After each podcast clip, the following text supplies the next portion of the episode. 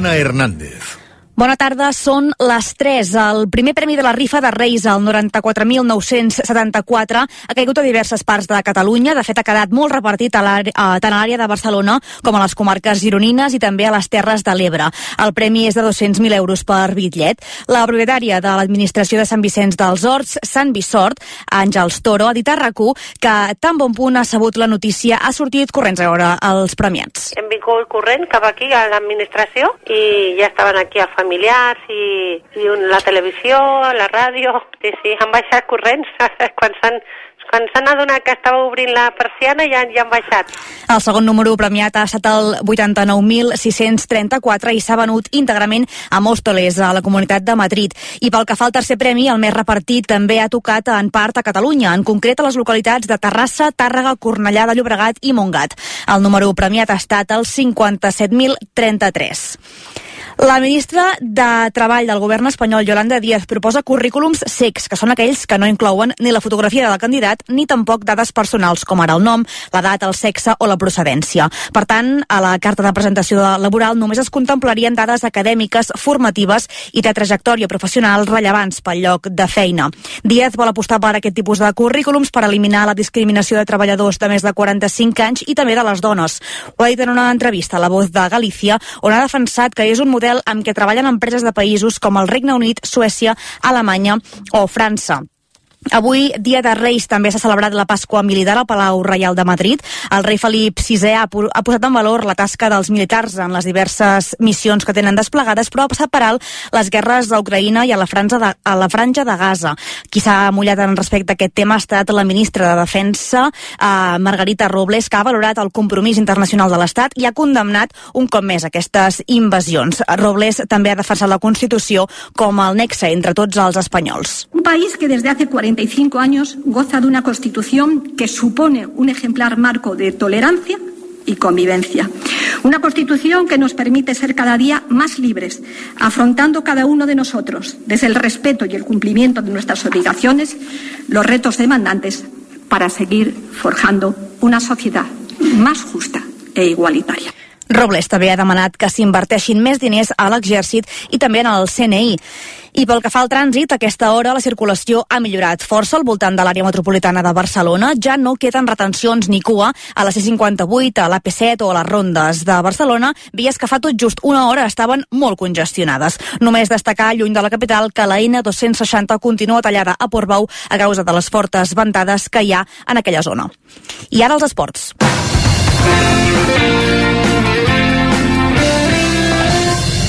Amb Albert Ferran. D'aquí a menys d'una hora arrenquen els setzents de final de la Copa del Rei i a les 4 comença la primera eliminatòria entre el Lugo i l'Atlètic de Madrid. Aquesta tarda jugaran dos dels equips catalans, a les 5 Espanyol Getafe, a les 6 Elx Girona. Més tard, a dos quarts de 10, el Madrid jugarà al camp de l'Arandina.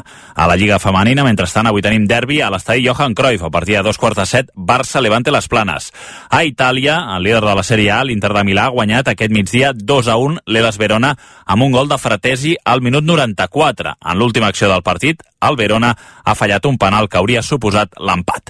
En pàgina poliesportiva, el Barça juga un quart de set la semifinal de la Supercopa d'Espanya de futbol sala contra el Jaén. I també juguen dos dels equips catalans de la CB, a les 6 Saragossa-Girona i a tres quarts de nou Tenerife eh, el Tenerife jugar contra el Joventut. I al Dakar, el pilot de Botswana, Ross Branc, ha guanyat la primera etapa de motos i lidera la general. L'organització li ha tornat els 26 minuts que ha perdut quan s'ha aturat a ajudar el valencià Tosha Xarreina, el guanyador del pròleg d'ahir i que ha hagut d'abandonar. I pel que fa al temps, tant aquesta tarda com demà es mantindrà el domini del sol a la bona part del país i les ventades fortes a l'Empordà, a les cotes altes del Pirineu i a les comarques de Ponent i al sud. Nevarà de manera intermitent a la cara nord del Pirineu, però a estones ho farà amb ganes, sobretot a la Vall d'Aran i al nord del Pallars Sobirà. I tot plegat amb un ambient de ple hivern. És tot, més notícies al punt de les 4 i a tota hora a raco.cat.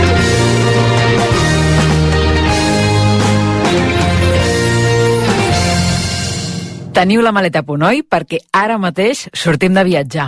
A RAC1, viatja bé, amb Esther Muñoz.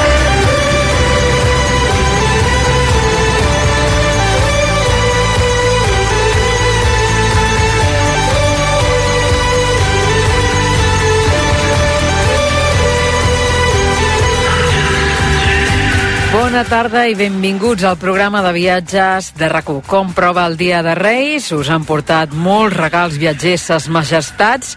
Doncs nosaltres en tenim un, avui de molt especial, l'Interrail, que van fer junts una mare i el seu fill, la Marcela i l'Emilio, van fer un recorregut en tren aquest estiu que els va portar de Barcelona a Lió, passant per París, Londres, Brussel·les, Amsterdam i també Berlí, i que compartiran amb nosaltres aquest dia tan especial. Després, l'Helena Bernades, directora adjunta de la llibreria Altair, ens portarà un pack de llibres de regal de Reis, on Àfrica serà la gran protagonista. I abans de marxar, encara tindrem temps de viatjar fins al Tirol italià, perquè allà també s'hi han celebrat aquest any els mercats nadalencs. Serà l'última secció de de la periodista Helena Merín, que segur que us servirà d'inspiració per organitzar escapades per les festes de Nadal de l'any que acabem d'encetar.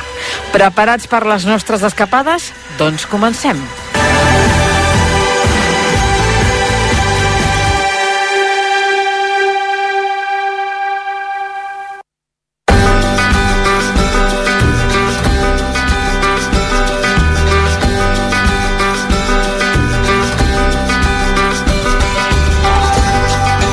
Dels viatges que més recordo és uh, l'Interrail que vaig fer aproximadament fa 30 anys i penso que moltes vegades m'agradaria tornar-lo a fer i fer-lo en família. Doncs bé, si aquesta és la vostra idea, avui tenim al Viatge B a rac una família que ha fet realitat aquest viatge.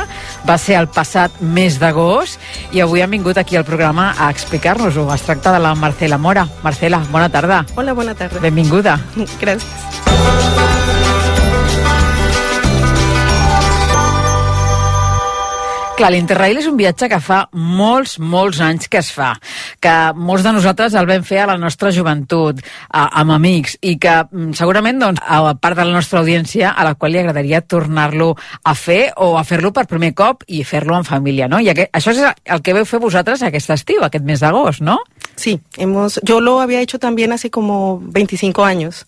Lo había hecho sola, había hecho cuatro meses viajando sola. Y entonces me, me hacía ilusión hacerlo con mi hijo, que tiene 13 años. I quin recorregut vas fer fa 25 anys? ¿Te recordas? Eh, a ver si me acuerdo. Llegué por Londres, entonces recorrí Londres, algunas ciudades de España, pasé por Barcelona, luego estuve en París, en el sur de Francia, luego hice a Suiza, luego recorrí toda Italia, de, de, de norte eh? a sur. De unido, ¿eh? Y Muchas después, paradas. Mucho. Estuve casi cuatro meses. Uh -huh. Y regresé, porque lo hice desde Colombia. Entonces vine desde Colombia para hacer el Interrail. Expresamente. Expresamente. Uh -huh. Y cuando se me acabó el dinero, uh, regresé. y lo hice, lo hice, regresé desde Suïssa. Entenc que aleshores et va passar el mateix camí que guardes un gran record d'aquell sí, viatge, sí, no? Sí, sí, sí, sí, fue increíble. De alguna manera lo que yo quería hacer era pasarle todo eso positivo que había vivido para que mi hijo tuviera la, esa opción, esa posibilidad de, de, de vivir eso que fue muy bonito. I ha canviat molt eh, aquest Interrail, no?, de, de com es feia fa 25-30 anys a com es fa ara. Em refereixo a tot el tema de les gestions, no?, perquè jo crec que hi ha persones que es pensen que igual ja no es fa, no?, i sí que es continua fent. Eh, els supòsits són diferents, però es continua fent. Sí, se, sí, sí se hace, pero es completamente diferente a la experiencia que yo viví. No solo porque ahora ha cambiado el sistema de Interrail, pero también porque la, el turismo ha cambiado. Entonces, antes viajamos, era muchísimo menos masificado, había muchísima menos gente, o sea, toda la, todo, eh, cuando yo lo hice, en ese tiempo se viajaba con agencias de viajes, entonces, aunque yo hice sola todo ese recorrido de planificación, en ese tiempo se hacía con un libro uh -huh. que se llamaba Let's uh, Go Europe sí, o algo así. Sí, sí. Y entonces ibas yendo de lugar en lugar por recomendación. Ahora todo se hace por libre, lo cual lo, es muy flexible, pero está todo muy masificado, entonces obliga a un nivel de planificación que antes no teníamos. En algún punto de este viaje yo pensé, tal vez soy yo por la edad ahora, porque fui en familia, o, uh, pero en algún punto nos íbamos encontrando, como en estos viajes siempre con gente y hablando, y hablaba con unas chicas justamente de Barcelona, muy jovencitas, de 18, uh -huh. Y ellas tenían que hacer la misma planificación porque si no se quedaban sin albergue, si no no podías ver los museos, si no no, entonces ha perdido digamos la espontaneidad que teníamos en ese Mira, tiempo. És un detall important a tenir Sí. en compte per Sí. fer les coses amb temps. Aquí l'avantatge que tenim és que a la nostra època no teníem internet, avui sí que tenim internet, tenim els telèfons mòbils i vulguis o no, això són eines que tenim també, no? Sí, pero también es un poco en- yo iba viajando sola con mi hijo, entonces era un adulto y una del, era sola planificando, lo cual también es un poco agobiante. ah, pero en algún punto yo le dije a él, esto lo hacemos los dos porque si no me voy a volver loca. O colaborar, de colaborar. porque si no, sola no. Y entonces él, él, él hizo parte, pero sí que es verdad que parte del, algún día del viaje eh, donde se llega, pasas gestionando cosas. Y en nuestro caso, que lo planificamos con muy poco tiempo de anticipación, habían cosas que no, que no podíamos acceder porque estaban ah, vendidas, ah, pero de museos básicos. Eh, también es pleno verano. Clar, això t'anava a dir, potser el fet de que viatgéssiu al mes d'agost eh, Sí. devia influir d'alguna manera, Sí, oi? sí, sí, sí, había muchísima gente viajando, había muchísima gente haciendo Interrail. También yo creo que ah, al menos ah, ah, estas chicas que me encontré de Barcelona, pero encon- mm, nos cruzamos algunos catalanes, también alguna gente del resto de España. Y mm, este año el gobierno español dio un descuento para hacer Interrail. Entonces, yo creo que fue como un pequeño boom a mucha gente, muchos jóvenes que no se habían planteado hacer esto, les salía súper barato. Clar, i es va planificar, no? Sí, Eh, sí. Moltíssima gent aquest viatge, Sí. no? D'alguna manera es va publicitar i, i la gent doncs, eh, es va informar, no?, d'aquesta manera. Explica'ns una miqueta a nivell, això, de preus, no? Com, funciona exactament? Eh? Què pot costar un Interrail en el, en el vostre cas, no? De quants dies era i per quan us sortia el bitllet i què permetia aquest bitllet? Bueno, el primer gran cambio que yo vi es el coste. Cuando, cuando yo lo hice era una forma de viajar súper barata en todos los sentidos. Básicamente antes lo que yo recordaba es que tú comprabas ah, un billete por un número de días determinado y podías subir y bajar de trenes tantas veces como quisieras. Ahora no es así. La razón es porque antes no habían trenes de alta velocidad como hay ahora. Clar. Y, en el- por ejemplo, en, en, en España, o, o nosotros concretamente salimos de Barcelona, en algunos países no se puede acceder a las vías de alta velocidad sin haber ah, reservado con anticipación. Con lo cual, ya es una... Això et limita, et planificación. limita Claro, d'alguna manera, limita de, de alguna manera. Antes yo recuerdo que me levantaba y decía, me bajo en esta estación o, o- o- o me subo en un lugar y cambio de plan, pero ahora no se puede. Y también eso aumenta el coste, porque la mayoría de trenes de alta velocidad hay que reservarlos.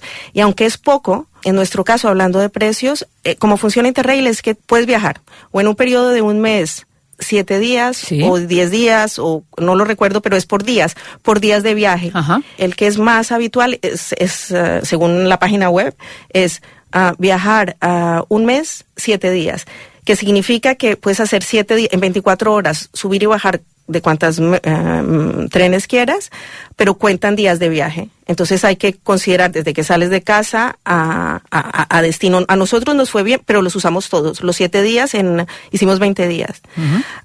Pero por ejemplo, las chicas que, que conocí y otros, y otros viajeros que encontré, hay gente que para ahorrarse eso, por, por la limitación de los días, no empieza desde Barcelona. De Barcelona toman un vuelo hasta un lugar determinado y ahí empiezan a contar los Clar, días para ahorrarse el, clar. e- I, ese tema. estalvien dies, Sí. no? Estalvien dies. Sí. I quin, quin era el vostre punt de partida, no? Quina, quina, d'on veu sortir i quina va ser la vostra primera parada? Bueno, la, la primer, la- nuestro, ah, perdón, no, no dije el, el precio, más o menos el, el alrededor, a los, los ah, jóvenes y los menores pagan menos y también las personas mayores de 60, Ah, pero yo creo que es un viaje que gastamos entre los dos solo en la parte del tren unos mil euros ah, en transporte.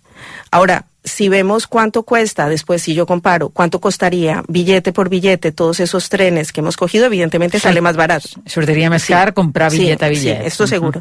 Bueno, eh, nosotros empezamos en, en ah, teníamos la idea de ir de Barcelona a París y ahí tuvimos el primer inconveniente porque porque la Interrail solo funciona con una página web. La página no permite ah, reservar a través de la página web. Fuimos hasta la estación con mi hijo como para empezar eh, la, la preparación del viaje y lo que nos explicaron es que la ruta, por ejemplo, de Barcelona a París, la cubre hasta un sitio Renfe y hasta otro sitio ah, Sí, son empresas diferentes. Empreses diferents sí. Entonces, al ser la empresa francesa, la empresa francesa y todas las europeas no permiten reservar con anticipación, porque tú puedes reservar, eh, yo creo que esa es la primera cosa que a mí me hubiera gustado saber antes.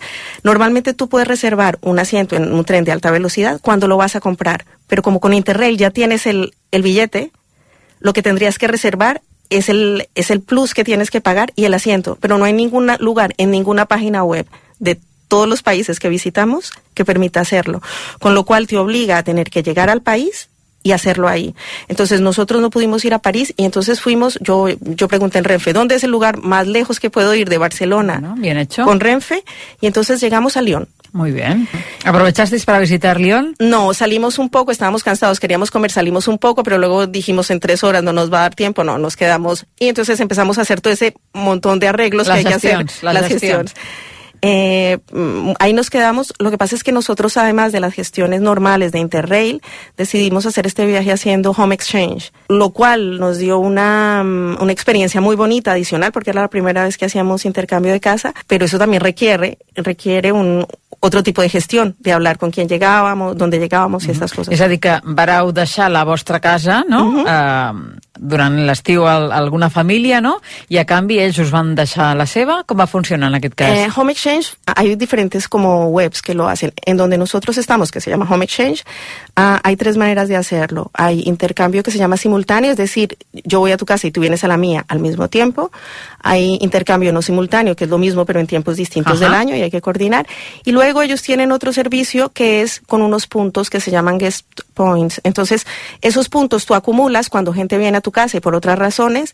Y si, si, por ejemplo, yo voy a París, pero esa persona no le interesa venir a mi casa, te puedo decir, yo te recibo ah, esos puntos y vienes a mi casa. Y nosotros empezamos a París, con París así. Llegamos a la casa de alguien, que es un poco divertido, estamos, o sea, todo eso tiene, a mí me parecía bonito y yo lo viví de manera muy positiva y mi hijo también. Llegamos a la casa de alguien que quien nos tenía que dar las llaves era la vecina que tenía 100 años, la señora parecía más joven que la madre. Todo eso tiene como... Experiències, són Sí, experiències que sí. també segurament van fer madurar el teu fill, Sí, no? El sí. fet d'ajudar-te a muntar el viatge, el fet d'haver-se de relacionar amb- gent que no coneixia i també de practicar un idioma, no? Sí, sí. Y luego, por ejemplo, ahí Home Exchange no es como un hotel y tampoco funciona como un Airbnb. Más o menos puede parecerse, pero por ejemplo, ahí no conseguíamos hacer funcionar la caldera. Duramos dos días sin agua caliente. Y A París. A París. Entonces, ah, al principio dijimos tal, luego nos tocó calentar con agua porque yo no me veía lavándome el pelo así. no- o sea, todo eso, hasta que al final un día no sé cómo entendí cómo funcionaba el sistema. Pero bueno, ese, pues todo era divertido. Yo Part creo. de l'aventura, Part de part de l'aventura del viatge, no? I en aquest cas, eh, entenc que tot el que era mm, allotjament eh, no vareu haver de fer cap despesa, no? No, no. Y, y realmente eh, ha sido una, o sea, enorme. Un gran estalvi, Un- eh? Claro, enorme, porque luego no es, un, no es un viaje barato, ha sido un viaje, nosotros hemos hecho 20 días. En cada lugar eh, vas y, y, pues en el caso de mi hijo es súper interesado en muchas cosas, le gusta mucho la historia y, y entonces había que ir a los museos, que a mí también me interesaba, que eso fue otra cosa muy chula, porque hay muchos museos o lugares que yo visité y que yo conocía, pero que yo los vi a través de sus ojos, sus los veíamos de una manera diferente, o él me pedía ir a sitios que yo no había ido porque para mí no tenían interés, pero para él sí. Entonces, ah, e- eso hace, ha sido como interesante y, y es caro. E- Es caro y e- es caro todas estas entradas. En, Fra- en Francia, por ejemplo, no pagan la mayoría de, en su edad no pagan, pero pagan los adultos, pero si cuentas entrar a museos constantemente, Sí, alquilar bicicletas para moverse. Nosotros íbamos como, fuimos como cambiando, a veces íbamos en metro, en, vari- en algunas ciudades, en algunas íbamos en Aneu alquiladas. alternant, eh? Sí. Uh -huh. I quins llocs vareu visitar a, a París? a París. Ah, a ver, fuimos al Louvre.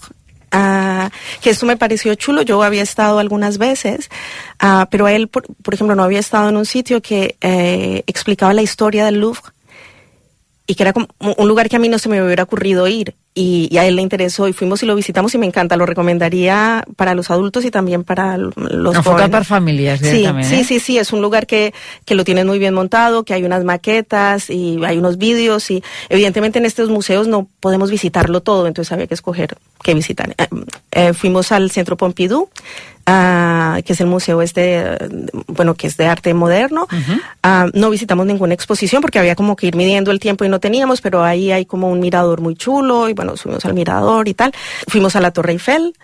ah, De pujar també? Sí, subimos también, pero por ejemplo, ah, yo llegué a buscar a los días que íbamos a estar, que ahora ya no recuerdo, nos quedamos como cinco noches en París, y fui a buscar, un poco menos cuatro, fuim- fuimos a buscar para poder subir y ya no había. En todo el tiempo que És molt complicat, eh? Es també s'ha de treure amb temps, eh? també s'ha de... Todo esto debería haber- lo debí haber hecho con anticipación. Yo normalmente lo hacía el primer día y yo alucinaba que ninguno de los días siguientes, entonces tuvimos que ir a hacer la fila, que no fue tan terrible, pero tuvimos que hacer la fila para, para subir. Ah, luego fuimos al, al Panteón, que esta fue una idea de mi hijo, le interesaban unos personajes históricos franceses y entonces fuimos a, a, a verlos y él realmente hay una parte, de- él conoce más de la historia francesa por su escolarización que yo y, y yo cono- conocí algunas cosas de, de, no sé, de cultura general, pero había personas que realmente no me decían nada, entonces bueno, aprendí, aprendí con él. Quina meravella, no? Eh? Que, que, que tinguis un, un guia a la família, Sí. no? Que et vagi portant amunt i avall, eh? sí.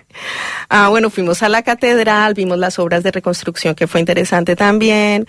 Ah, visitamos el Arco del Triunfo, ah, visi- visitamos Montmartre, ah, ah, los jardines de Luxemburgo. Bueno, no sé, hicimos como las, la- las visitas típicas. Fuimos en, en, en París, estuvimos casi todo el tiempo en bicicleta. Ah, lo cual es muy chulo también porque porque ves la ciudad de otra manera. I tant, i y a al més a més- Sena, y bueno, estas cosas típicas. El pero... temps us va acompanyar, Sí. era l'agost, era l'estiu, Sí, a sí. més a més hem passat un estiu força calorós.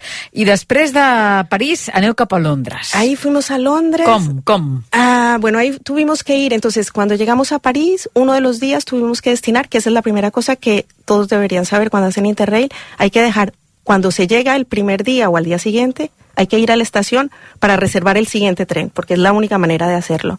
A menos que Interrail cambie el sistema y permita reservar por, um, por internet.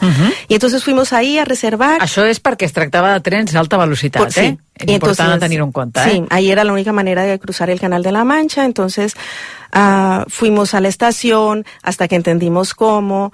ah, ahí nos, cuando hicimos esa reserva nos encontramos con algún chico ah, que también venía de Argentina, por ejemplo, y él no entendía nada cómo se hacía. Al final yo le ayudé con francés y lo terminé subiendo a un tren. O sea, todo eso es como la gente es- en estos viajes es siempre súper abierta. Molt solidària, sí, eh? Sí, sí. O sea, nosotros con, e- con la gente, pero la gente con nosotros. Y nos fuimos entonces en, en tren de alta velocidad, que no pudimos ir directamente a Londres porque no había plaza. Entonces nos permitió ir de, un, de París a otro lugar, a las afueras de París, y a partir de ahí coger el tren de alta velo- velocidad. Uh -huh. I com va ser l'experiència a Londres, no? També amb Home Change? Sí, hicimos con Home Exchange, pero ahí cambiamos de experiencia porque ah, a veces eh, es como esto que te expliqué, ese es el sistema, pero en algunos sitios, por ejemplo Londres, eh, estaba todo súper reservado por Home Exchange porque es tan caro que mucha gente utiliza esta, esta alternativa. una molt bona opció, clar. Ah, pero entonces no encontrábamos piso ahí. Entonces hay gente que te decía, mira, yo, yo explicaba, normalmente tú te presentas y dices, voy a hacer esto y estoy buscando un- una casa, ¿te interesa hacer intercambio conmigo? Y había gente que te respondía, yo no me voy a ir en ese tiempo, pero me hace gracia re- recibirte. Nosotros tenemos una casa grande y tenemos habitación, si quieres te recibimos con tu hijo. Que bé. Y entonces ahí estuvimos con una pareja de señores, ah, más o menos como de 60 años, ah, súper amables, no estábamos en el centro de Londres, estábamos en un lugar que de otra forma nunca hubiéramos conocido, era una pareja como súper bohemia, y a- aparte como súper integrados con la comunidad, ah, nos dejaban las bicicletas, nos explicaban cosas, ellos hubieran querido que nosotros nos quedáramos ahí Ah, haciendo vida con ellos en- en- y era divertido porque a veces, por ejemplo, en su casa compartíamos todos, o, o sea, todo Dic, era... menjàveu allà i tot, Sí, sí, no. Això, sempre que, que eh, agafes aquesta opció, inclou el menjar, també? No, no incluye, pero la gente es tan amable que la señora nos daba comida para llevar si íbamos corriendo por la mañana, nos daba como el como madre, o sea, nos, como abuelos casi. Fantàstic. O nos daba el desayuno, llegamos por la noche y cenábamos a veces con ellos. ah, y luego ellos querían hablar todo el tiempo, o sea, todo les, les daba curiosidad. Y, De saber com vivim aquí, cómo vi- sí, com van todo. les coses al teu país... Y luego les, les llamaba mucho la atención el interés que Emilio tenía con muchas cosas de la historia y de la guerra mundial y no sé qué. Entonces todo el tiempo era como, y bueno, eh, preguntando cosas sobre Cataluña y sobre Clar, nuestra clar, visión. sobre l'actualitat. Sí. Doncs escolta'm, eh, que, que quedi clar, no?, per les persones que estiguin pensant en fer un Interrail, que, que aquesta opció d'allotjament també és molt bona per tot això que ens explica la, la Marcela en aquests moments. Eh, què vareu visitar a Londres? Hemos visitado. Eh, hemos, ah, Londres es enorme, entonces nosotros estamos ah, es enorme y es caro. Una de las cosas que me, me pareció genial que deberíamos implementar aquí es que se puede pagar eh, el transporte público con la tarjeta de crédito. Entonces tú vas, o sea, es súper veloz por la cantidad de gente que maneja. Bueno, nos explicaron y, y entonces, pero hay diferentes eh, zonas y nosotros estamos en una zona limítrofe que nos hacía que iba a ser como muy caro. Entonces los señores nos ofrecieron que nos dejaban ir nos daban unas bicis Ajá. y nosotros íbamos en bici hasta la el siguiente Per estalviar una miqueta Sí. de diners. y entonces íbamos a este a esta zona, ahí cogíamos el, me- el metro en general y fuimos por la zona de ellos que se llamaba Acton, que es muy bonita. Luego también fuimos a- al, al Museo de Historia Natural, fuimos a Camden Town, fuimos al Big Ben, fuimos al Tower Bridge, fuimos a una visita de un barco que había ah, de la Segunda Guerra Mundial. Ah, que era uno de los pocos barcos que hay. Esto, por ejemplo, evidentemente fue interés de mi hijo, que estaba feliz de ver cómo su- subir y bajar todo este mm, ah, barco. En algún momento yo ya me cansé y le dije, bueno, ya aprendí un poquito, pero estaba cansada de entrar. Pero bueno, todas estas cosas de interés. Luego ah, fuimos al Museo de Londres. Por ejemplo, me llamó mucho la atención que yo ya había estado en Londres algunas veces y en algún momento eh, lo- los niños ahora tienen tienen tanto conocimiento de todo que íbamos caminando por un sitio y entonces él me dijo, ay, mira, el eh, Shakespeare eh, Globe, no sé qué. Y él empezó a hablar de un sitio que conocía porque en algún momento había hecho una exposición de Londres. Sí. Y entonces él lo sabía y entonces entramos y. A l'escola, eh? Sí, y, y- y- sí, y entonces entramos al, al, al sitio este, hubiéramos querido ver una, una, una obra, pero no se podía en ese momento. Ah, bueno, hicimos por, fuimos a la Tate, fuimos a la, yo tengo la suerte que mi hijo es súper interesado en todas estas cosas. Evidentemente, eh, si a un adolescente, porque él es adolescente, no le interesan estas cosas, empiezas a hacer un viaje muy Clar, pesado. És que és això el que estàs explicant, no? Ell està molt estimulat en aquest sentit Entonces i el- ajuda, no? Perquè pot ser el cas contrari, no? Sí. Una família que tingui fills que no estiguin estimulats d'aquesta manera, doncs eh, pot ser un suplici, Eh, no? Claro, claro. Y pese a eso, también nosotros pasamos unos días en que también nos discutíamos entre nosotros porque hay una adaptación de eso. Estamos solo los dos tratando de descubrir el transporte. Él no deja de ser un adolescente. 24 hores 24 junts, horas juntos. molts dies Sí, sí, chicos de la misma edad. Alguna vez, no sé, fuimos a Buckingham Palace para ver el, el cambio de guardia y nos hizo mucha gracia porque había una familia de, de Madrid, justamente, y de repente nosotros, en, en ese momento estábamos tranquilos, ya habíamos pasado nuestras discusiones y de repente se pusieron a discutir estos tres, el chico, la madre, el padre, y nos hizo, que en un momento los dos soltamos la risa y les dijimos, perdón, perdón, no nos burlamos de ustedes, pero es que todos hacemos és esto, es un viatge, difícil. i tant, i difícil. tant. I al final es repeteix tot això. Eh, després de Londres, la tercera parada va ser Brussel·les. Sí, fuimos a Bruselas porque el- los abuelos de, de mi hijo son belgas. Su padre es belga. Entonces fue una manera de hacer un descanso. Realmente estábamos cansados de haber visitado tantas cosas. Luego también nosotros no nos podíamos permitir ir a restaurantes permanentemente, con lo cual también estábamos cansados de comer comida de mala calidad. En, en- en Barcelona yo me, me gusta comer bien, quiero decir en casa, comida de buena calidad y ahí comíamos cualquier cosa, estas cosas que comes cuando estás por ahí. Menjar ràpid. Sí, y entonces fui- fuimos a ver a los abuelos, a parar un poco, a descansar, a hacer como vida más de familia y estuvimos dos noches con ellos. Fantàstic. I la comunicació, eh, Londres-Brussel·les, amb tren? La comunicación fue en Londres, tuvimos que hacer otra vez, dedicar un día para hacer eh, el cambio y de Londres a Bruselas otra, otra vez tampoco lo pudimos hacer directo porque, porque ya no habían plazas. O sigui, tot això que m'expliques, eh, si ho fem amb temps, amb previsió, i, i, i traiem els bitllets, diguéssim que ho, ho evitaríem, no? Sí, sí, pero entonces yo creo que debería hacerse con mucho tiempo de anticipación. O sea, nosotros planeamos ese viaje dos semanas antes.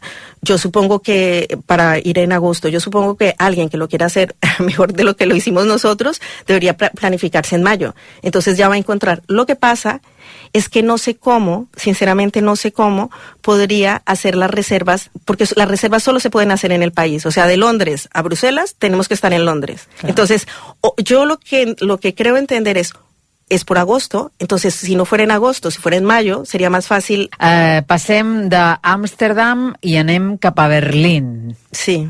Bueno, pasamos por Ámsterdam, después fuimos a Berlín. En Berlín volvimos a quedarnos con, ah, con otra familia.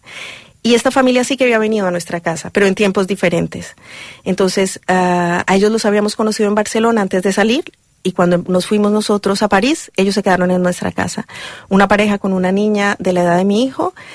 Ah, y ahí fueron encantadores. Verdaderamente, yo creo que esta experiencia con mi hijo, para mi hijo fue súper positiva de ver la gente como es de abierta y bueno, nos quedamos en su casa i Berlín fue súper interesante. És una, és una experiència per sempre, eh? Vull dir, és el que parlàvem tu i jo a l'inici, Sí. no? Et marca i, i, i, i marcarà també a l'Emili d'alguna manera aquest viatge segurament, eh? Sí, a, a mí hay una parte, cuando yo lo hice, ah, me sorprendía la generosidad de la gente, me, me, me encantó ver la solidaridad y aquí era alucinante, o sea, no, nosotros una vez fuimos a un restaurante y, y de la mesa de lado nos invitaron a comer, eh, cuando tú decías estoy haciendo interrail con mi hijo, a la gente le hacía súper gracia, ay, qué bien, entonces había gente que decía, ay, yo tengo un bebé, yo quiero hacerlo cuando, cuando esté grande, no sé, en algún, yo, una de las cosas que quería con él que aprendiera era como controlar, tener un presupuesto diario, Ajá. entonces a veces entramos a ciertos lugares y por ejemplo en Londres yo, él me- no sé qué tontería me estaba pidiendo de comer y yo le dije, no, no, no, esto no. No, no és viable, Esto no és viable. Y entonces, el se- pero estamos hablando en, en castellano. El señor le entendió, o sea, nos entendió porque hablaba castellano y al llegar a la caja, a mi hijo se llama Emilio, y le dijo, Emilio, venga, yo te lo invito. Y alucina, o sea, él alucinaba porque toda, toda la gente es como su- en los trenes preguntando, mi hijo al- en otros viajes que habíamos hecho era muy vergonzoso al preguntar, pero es que aquí teníamos que preguntar porque había cosas que no te puedes seguir solo con indicaciones. Fer un diari del viatge o no? O, No. o l'heu de fer? No, el després- vas fer tu en el sí. teu viatge? Jo el vaig fer en el meu. No, no, no lo hice en el, en, en- el mío, no, no lo hice, pero después, eh, preparando esta entrevista, sí que fue bonito re- Recordar, a recordarlo y fue una manera de hacer un, un diario, sí. Quines visites vareu fer a, a Berlín, exactament? Bueno, a Berlín, am, con este interés de mi hijo en la guerra, en las guerras mundiales y en la historia, entonces... Tienes mucha suerte, ¿eh? Marcela, lo sabes, ¿no? Sí, sí. Sí, la verdad es que él era como un guía de turismo porque él sabía muchas más cosas que yo, honestamente. Entonces, había una parte del viaje que era dedicada a eso. Entonces, fuimos, por ejemplo, bueno, a, las partes emblemáticas del muro de Berlín, a los museos referentes a eso. A- pero, por ejemplo, hicimos unos recorridos que recomiendo enormemente que se puede ir por, por todos los túneles por debajo de Berlín y cómo y hay diferentes temáticas y además se puede encontrar en diferentes idiomas. Ajá. Nosotros lo hicimos en español y recorres todos los espacios y es es súper interesante. Y luego es verdad que no podía ser todo como tan formal, tanto museo serio. Eh, por ejemplo, ahí fuimos al Museo de los Espías, un poco por hacer una tontería. Fantàstic. Que, de ni- que es de niños, que, que también tiene su, su, su punto. Habían cosas reales de, de espías reales y podías jugar y tal. Am, bueno, a- ahí hicimos todas las visitas. Realmente yo sí que hice eh, todas las visitas típicas con el adicional de, de, de toda esta cosa histórica. En Berlín hacía muchísimo, muchísimo calor ah, cuando fuimos y ahí, por ejemplo, nos movimos en, en transporte público, en, en tram, pero, pero fue muy interesante. Pel que veig, amb, amb tot el tema de treure entrades per museus, per visites, aquí problemes no, no vareu tenir, eh, tot i ser el mes d'agost. Eh, no, pero por ejemplo, cuando fuimos a Ámsterdam, el primer día él estaba de siempre muy interesado porque hace años había leído el eh, diario de Ana Frank y queríamos ir a la casa. Y estaba cuando fuimos eh, vendidas las entradas desde hacía tres o cuatro semanas. Entonces, a, a mí me sabía mal ir a Ámsterdam y no ir ahí y tal. Y entonces lo que hicimos fue que de regreso hicimos una parada, solamente no nos no volvimos a dormir a Ámsterdam, pero hicimos Berlín-Ámsterdam para ir al museo. Entonces compré como, no sé, 15 días después la entrada y fuimos a visitarlo. Pero sí que, si yo lo, si yo volviera a hacer el viaje, uno, sí que recomendaría hacer todo esto con tiempo de anticipación, Ajá. porque siempre encuentras, pero eso termina siendo un punto estresante. Y otra cosa es que yo creo que yo hubiera hecho una parada en medio en un lugar que no hubiera, que no fuera visitable. Quiero decir, no en una ciudad que tuviera, porque te sabe mal ir a una ciudad y no visitar.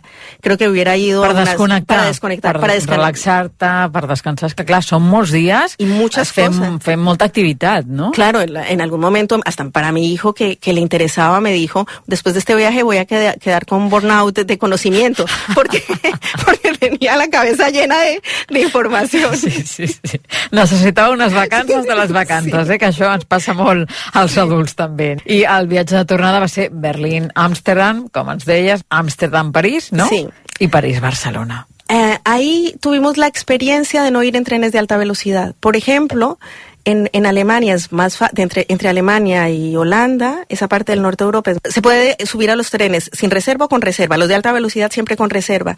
Pero resulta que siempre decían que todos los de reserva funcionaban mal. Entonces al final terminamos haciendo O sea, no, el tren se canceló, perdías la- el dinero que habías hecho en la reserva y no lo podías coger porque ya tenías planificado irte ese día. Entonces, hacíamos como, hicimos como hacíamos en, Inter- antes, de coger 80 mil trenes, o sea, para llegar a un lugar, un tren, otro tren, otro tren y trenes regionales, que eso también fue una experiencia chula, los trenes súper llenos de gente, o sea, yo vi gente con, que se subía a los trenes con, vimos gente con sillas de camping y se subían y se, para poderse sentar, tuvimos que estar en los pasillos, ah, bueno, toda esa parte de Interrail que también, lo que pasa es que era mucha gente viajando. Clar, i, i és, bàsicament és el mes d'agost, jo crec, Mhm, no? sí, si haguéssiu sí, sí. triat una altra data, hagués estat diferent. Marcela, eh, tu ets arquitecta, treballes a Creu Roja Internacional, ets cooperant, i ara te'n vas al Marroc, no? Sí, sí, sí, voy a, voy a trabajar por el ah, terremoto que sucedió hace algunas semanas, en la reconstrucción de los pueblos que se quedaron destruidos. Estaràs molts dies o què? Estaré inicialmente tres meses y después veremos. Tant, ets una persona que està molt acostumada a viatjar. Sí, yo he viajado mucho por placer, pero también por trabajo. Y a veces pienso, "Uf, ya no quiero viajar más, voy a terminar viviendo en una masía y no quiero moverme más. Pero una vez que vuelves y empiezas a viajar, tiene el punto chulo, así que Uh -huh. Qui, quin seria el, el, el viatge somiat, no? El viatge que t'agradaria fer, el proper viatge?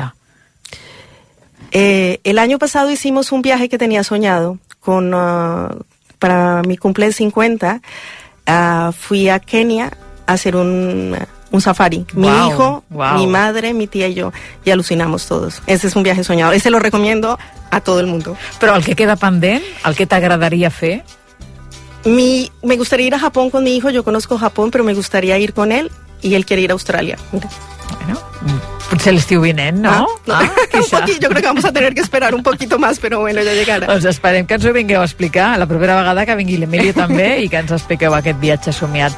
Marcela Mora, moltíssimes gràcies per compartir amb nosaltres aquesta experiència amb Interrail, amb tren per Europa i que vagi tot molt bé. Muchas gracias. Records Muchas a gracias. l'Emilio. Gracias. Adeu. Adeu.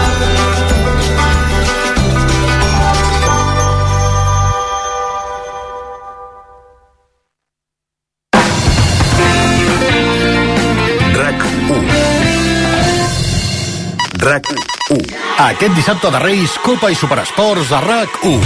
A les 5, Espanyol Getafe dels setzents de final de la Copa del Rei, amb Edu de Batlle, Xavi Puig, Jaume Molló, Joan Camí i els comentaris de Dani Solsona. A les 6, Ells i Girona, també de la Copa, amb Miquel Agut i els comentaris de Marc Brugués i Adai Benítez. Pendents a un quart de set del Barça Jaén de Futbol Sala, a dos quarts de set del derbi de la Lliga Femenina Barça-Levante Les Planes i de l'última jornada de la primera volta de la Lliga ACB. A dos quarts de deu, Arandina Real Madrid de Copa. I per rematar-ho, tu diràs fins a la una amb Gerard Ballera. Aquest dissabte, Copa i Superesports a RAC1. El Girona i l'Espanyol Juga RAC1 és una gentilesa de CaixaBank i Estrella d'Am. RAC1. Tots som u. RAC1. Si no t'has portat bé, A Barbastre, els Reis arriben diumenge. El Barbastre contra el rei de Copa. Des de les 8 a rac Fot-li pou, amb el suport de CaixaBank i Estrella d'Am. RAC1. Tots som u. Actualització constant a rac1.cat, el portal de notícies de RAC1. RAC1 us està oferint Viatge bé, amb Esther Muñoz.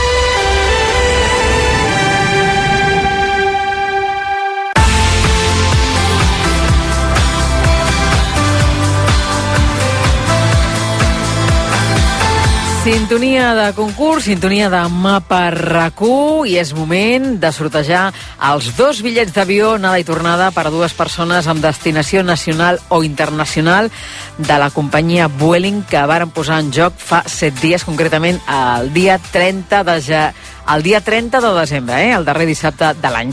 Per guanyar aquest premi, que inclou una maleta facturada i una bossa de mà per cada passatger, us demanàvem que us, eh, us demanàvem que ens seguíssiu a les xarxes socials i també que responguéssiu aquesta pregunta. Quin viatge us agradaria, quin viatge us encantaria fer durant aquest 2024? La veritat és que hem rebut moltíssimes respostes. Hem comprovat que sou una audiència molt i molt viatgera. I després de la llau de respostes, després de la llau de respostes que hem rebut i de saber doncs, quins són aquests viatges que voldríeu fer aquest any, toca fer rodar el bombo, Marc, i esbrinar qui és l'afortunat o afortunada. Doncs ja la tenim aquí. La guanyadora és Eva Tataret, que ens deia a través de xarxes que ella doncs, aquest 2024 viatjaria amb BM Ferran on sigui, perquè diu que no es cansa de viatjar plegats. Moltes felicitats, enhorabona. Avui, quan acabi el programa, contactarem amb tu i t'explicarem doncs, tots els detalls d'aquest premi que podràs gaudir durant aquest 2024 i a la resta d'oients doncs, a continuar escoltant el programa i a veure si teniu sort durant aquest 2024.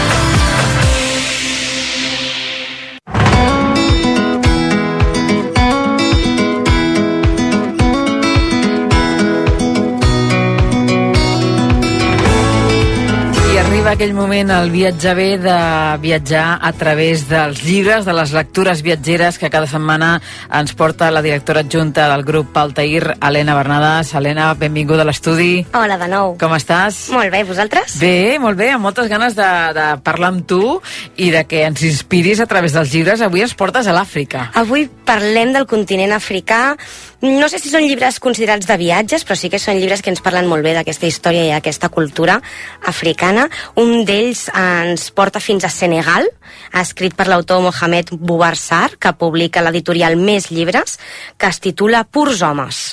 Aquesta és una novel·la ficció que podria ser perfectament real i ens parla sobre la homosexualitat al país africà i una mica també barrejat amb tot el que és la tradició islàmica del país. Mm, un tema que és bastant tabú allà, no? Un tema tabú, un tema de plena actualitat i un tema que sobretot amb tota la informació que ve d'Occident dels drets humans, la homosexualitat, la llibertat d'expressió, xoca constantment i entra en debat constant i cada vegada té més veus discordants en un país que intenta acallar tot el que són veus una mica antagòniques o no conformes. Uh -huh. uh, explicarem que, que aquest és un llibre que es va editar l'any 2018, però que ara s'ha tornat a editar el 2023 traduït, no? Correcte, sí, és la primera vegada que el trobem en català.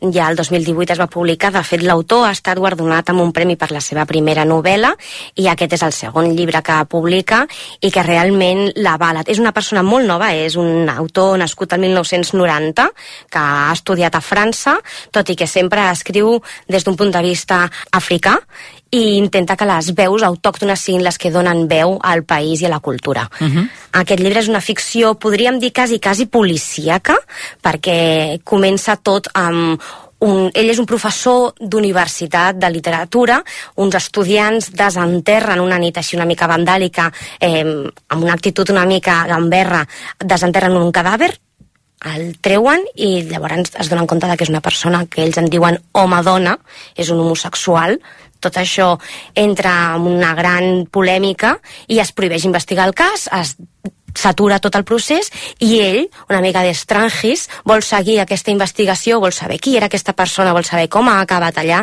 i què és tot el, el, el, la, la trajectòria d'aquesta persona. Llavors aquí ens n'adonem una mica de les relacions que hi ha amb tots els periodistes, amb tots els seus alumnes, amb tota la seva comunitat, que al final la comunitat és un pes molt important en les famílies africanes, sobretot a Senegal, i llavors ens n'adonem una mica també de com es conformen tots aquests grups i aquests actors que van parlant i donant la seva opinió sobre una cosa tan polèmica com és la homosexualitat. Mm -hmm. Es deies que Mohamed Mouar eh, havia estat eh, premiat eh, per la seva novel·la anterior, La memòria més secreta dels homes, un llibre que el va convertir en el primer escriptor senegalès a rebre aquest guardó. Correcte, sí, i a més és això, que no només això ja té mèrit per si sol, sinó que és una persona de l'any 90, és a dir, que és una persona molt jove, que té una trajectòria escriptora molt petita, i esperem que ens dongui altres novel·les i altres llibres tan bons com el primer, aquest n'és un d'ells, o sigui que recomanadíssim. Sí, sí, a més a més felicitem a l'Oriol Valls, que és eh, la persona que ha fet aquesta traducció,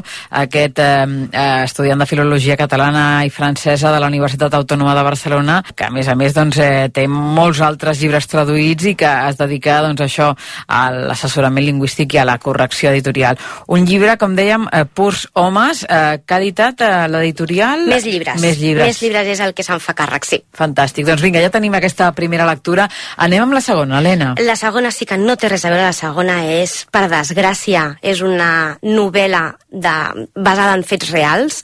L'escriu Philip Sands, titula La última colònia, que publica llibres anagrama tant en català com en castellà, amb la traducció d'Ariadna Pous.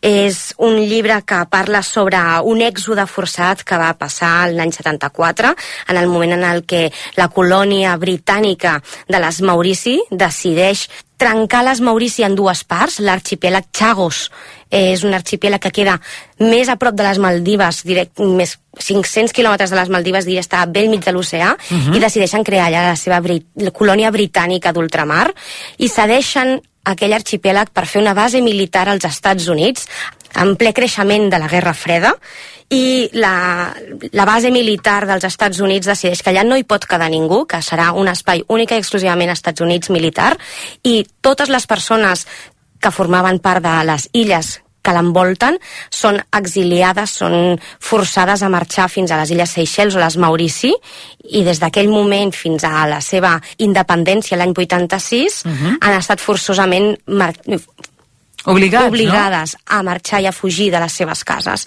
En aquest cas, quan Maurici va aconseguir de nou la seva independència, va intentar recuperar l'arxipèlag Chagos, que se'ls va denegar, i van portar fins als, a, a les Corts Judicials Internacionals aquest cas.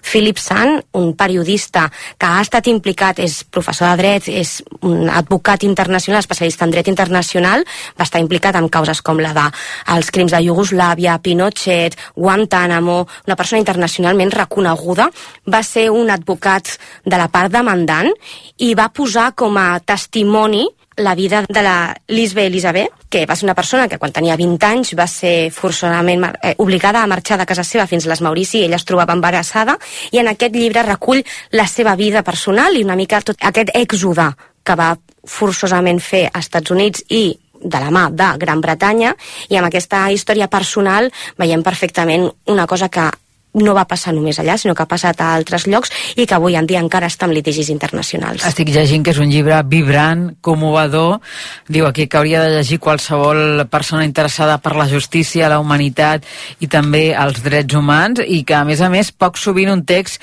combina erudició i empatia d'una manera tan eloquent. Això és el que diu la crítica d'aquest llibre. Sí, de fet, eh, hi ha hagut moltíssims escriptors de renom, periodistes, eh, advocats i gent que ha estat eh, gent que ha tingut part en cors internacionals, en tot el que ha sigut el procés judicial que no s'ha acabat, que gràcies a aquest relat personal d'aquesta protagonista han pogut no només empatitzar amb la causa, sinó també han pogut veure danys col·laterals que a vegades quan pensem en una cosa la veiem com un fet aïllat i no, tot això ha comportat moltíssimes altres desavinences com són la pèrdua cultural, la pèrdua d'un llenguatge, la pèrdua d'una identitat. I la final, renúncia, al cap i a la fi, no? Totalment. La, el, la separació de moltíssimes famílies, perquè moltes d'elles van anar a Maurici i altres van anar a Seychelles, i la pèrdua d'un espai que havia sigut ja colonitzat prèviament per la colònia francesa al segle XVI i segle XVII, per tant és com trepitjar sobre mullat. Aquest és un llibre que a més a més acaba de sortir, no? Acaba de ser editat. Acaba de ser editat en castellà, l'acaba de publicar l'editorial Anagrama, i és un llibre que jo crec que, uh, per desgràcia, en, no ha passat només a les Illes Maurici i a l'arxipèlag Chavos, sinó que ha passat a molts d'altres llocs, i que és un text que ha estat a la Cort Internacional i és un text que està perfectament a l'ordre del dia. Avui dos llibres dedicats al continent africà, Purs Homes, de Mohamed Mouar, amb traducció d'Oriol Valls, un llibre de l'editorial mesllibres.cat i també aquest eh, volum de Philip eh, Sanz, L'última colònia, traduït per l'Ariadna Pous, d'anagrama. No sé si nosaltres aquí al programa ho notem, eh, que hi ha molt d'interès per l'Àfrica. A la llibreria també es nota això, Helena? A la llibreria es nota perquè l'Àfrica a vegades també sembla com que és un tot, i en realitat l'Àfrica són 51 països, són 51 identitats, són 51 o infinitat de llengües, infinitat de persones i de comunitats. Per tant, moltes vegades quan entres en una ja vols continuar coneixent-ne d'altres. T'enganxes, eh? Sí, i tant. Ah, això és el que diu la gent que ha estat a l'Àfrica, eh? que, que l'Àfrica enganxa moltíssim. L'Àfrica enganxa, uh -huh. i això no ho saps fins que hi vas. Doncs, Helena, moltíssimes gràcies eh, per aquestes dues recomanacions i t'esperem en uns dies. I tant. Adeu.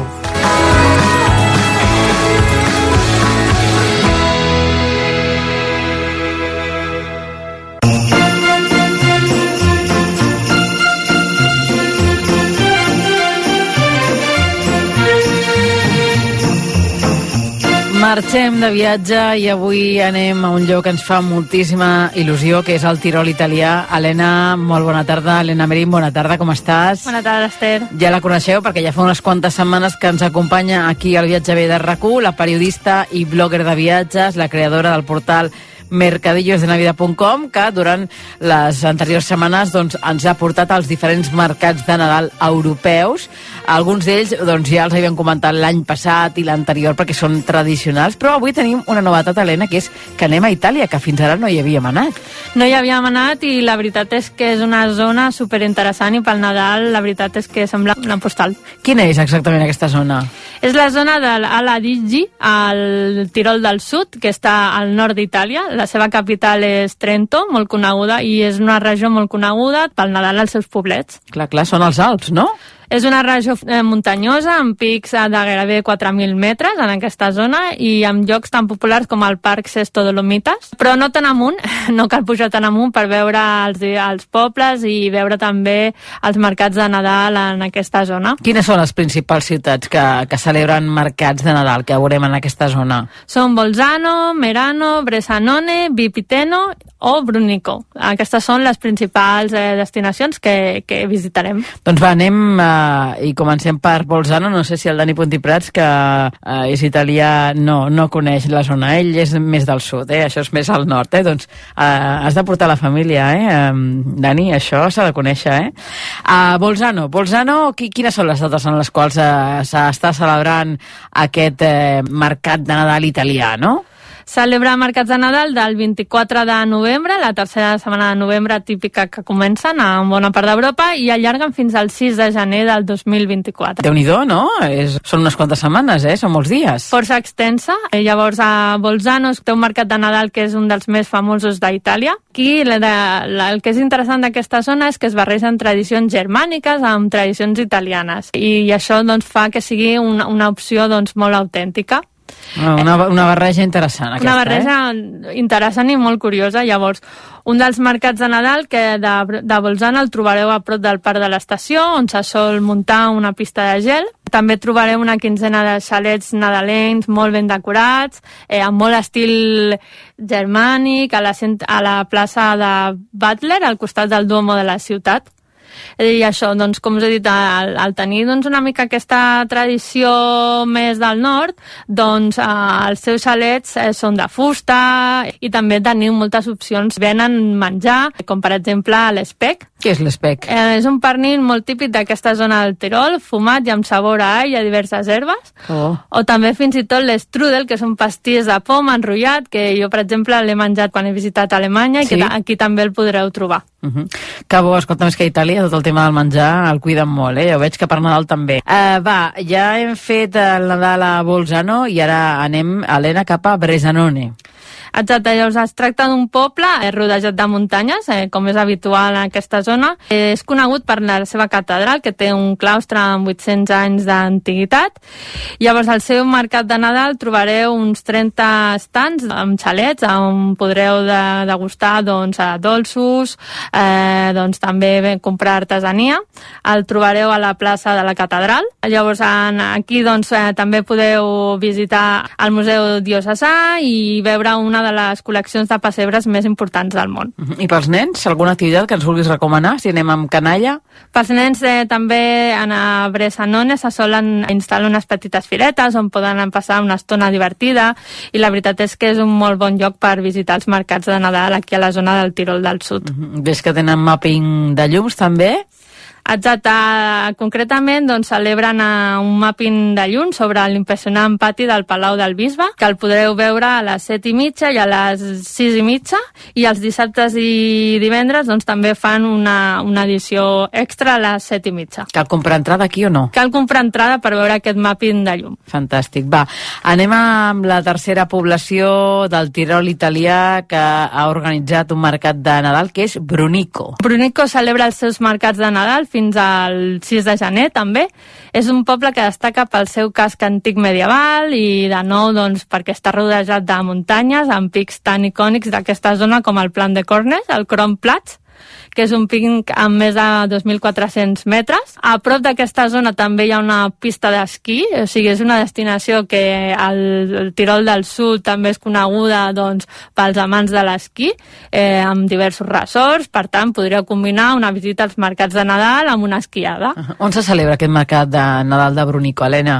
El mercat de Nadal se celebra a la via Bastioni i a la nova piazza del municipi, al centre, amb més de 35 estants d'artesania eh, i per decorar l'arbre, joguines de fusta, ceràmica, articles de pell i també menjar. També s'organitzen activitats musicals, he vist, oi? Podeu escoltar doncs, diversos concerts amb instruments de vent, amb músics del carrer, hi ha una variada programació musical durant aquestes dates. Veig que és un Nadal molt, molt animat aquest molt animat i la veritat és que el, el poblet sembla una postaleta. Tots els poblets d'aquesta zona semblen una postal i si a més els trobeu nevats, ja, vamos. Sí, sí, de, de compte directament. De compte. Tinc aquí també el mapa eh, assenyalat al Mercat de Nadal de Merano. Merano celebra els seus mercats de Nadal del 24 de novembre al 6 de gener. Ja és una ciutat una mica més gran, amb un poble gran amb 40.000 habitants. És la segona ciutat més gran d'aquesta zona i per tant el seu Nadal doncs, també és una mica més visitat, és molt animat i amb moltes activitats. Eh, com a curiositat, doncs, això de nou, eh, ens trobem amb que és una zona amb molta influència doncs, eh, germànica i on és bastant habitual escoltar parlar alemany. Tot i que ens trobem a Itàlia, eh, podrem escoltar alemany eh, parlar en aquest idioma, ja que aquesta zona va, va, va pertany a l'imperi austro-hongarès. Helena, exactament, el Mercat de Nadal de Merano, on està situat, on està ubicat? Està al costat del riu Pasirio, té un, més d'una seixantena de cases de fusta. També a Merano podeu trobar un altre mercat a la Torre Porta Bolzano. De fet, més que un mercat, és un poble del Nadal, perquè n'hi ha diverses casetes on podreu, per exemple, menjar spetzel, que és una pasta alemanya. És que um, semblen com uns macarrons, però sí. estan una mica més tous. Uh -huh. Solen servir amb col, o també pans típics d'aquesta regió. Uh -huh. Aquí tenim pistes de patinatges, d'aquestes de, de, de gel que tant t'agraden o què? Sí, sí, ja, jo, eh, la veritat és que si us agrada patinar o voleu provar una estona divertida, no cal que mm, us arrisqueu, doncs aquí també la trobareu. També un sky bar amb bastant il·luminat, amb bones vistes sobre ah, el poble. Molt interessant. Va, i anem amb la darrera parada d'aquest viatge que avui ens està fent l'Helena Merim pels mercats de Nadal del nord d'Itàlia, que és Vipineto. Eh, Vipineto celebra els seus mercats de Nadal del 23 de novembre al 6 de gener és un poble que està ja a uns 15 quilòmetres de la frontera amb Àustria, hi ha uns 1.000 metres d'alçada, de fet no molt lluny d'aquesta zona podríeu arribar fins i tot a Innsbruck, eh, que és una altra destinació que hem recomanat. I tant, sí, sí, ho recordo. El seu mercat nadalenc està situat a la piazza de la ciutat i que destaca doncs, per la seva torre il·luminada, aquesta plaça, i a la que podeu pujar i des de dalt doncs, també podeu tenir molt bones vistes de, del poble. Heu de tenir en compte, si visiteu en general aquesta zona, que molts mercats del Tirol italià tanquen sobre les 7 de la tarda, que és una mica aviat del que és habitual i, per tant, si heu de planificar una visita, penseu-hi. Doncs mira, és important eh, que ho hagis dit eh, això, perquè nosaltres que acostumem a la nostra cultura a fer-ho tot molt tard, no? que no arribem i, i ja hagin tancat. Helena Merín, eh, un plaer. Doncs eh, tots aquests viatges que ens has recomanat, eh, vull donar-te les gràcies perquè realment fa dues temporades vam començar amb aquests viatges nadalencs.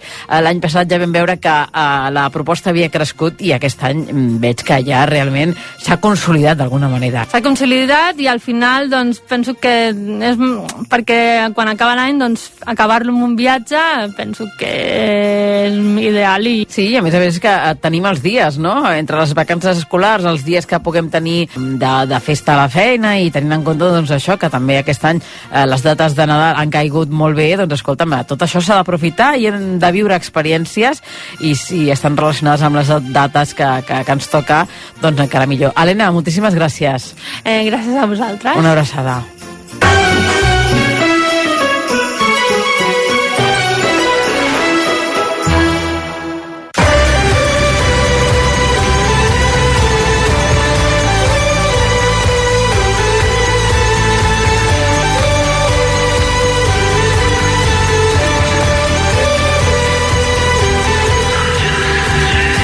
Fins aquí el primer viatge bé del 2024. Salutacions meves i del Marc Espejo a la realització tècnica i no deixeu la maleta gaire lluny perquè dissabte 13 de gener a les 3 i 3 de la tarda us hi esperem per tornar a sortir de viatge plegats. Fins aleshores us desitgem que acabeu de passar un molt bon dia de Reis, que us mengeu el tortill i que acabeu de gaudir de les vacances de Nadal si és que n'heu tingut. Fins la setmana vinent, que vagi molt bé. Senyores i senyors, en nom d'Ester Muñoz i tota la tripulació del Viatge B, gràcies per viatjar amb rac i fins dissabte que ve.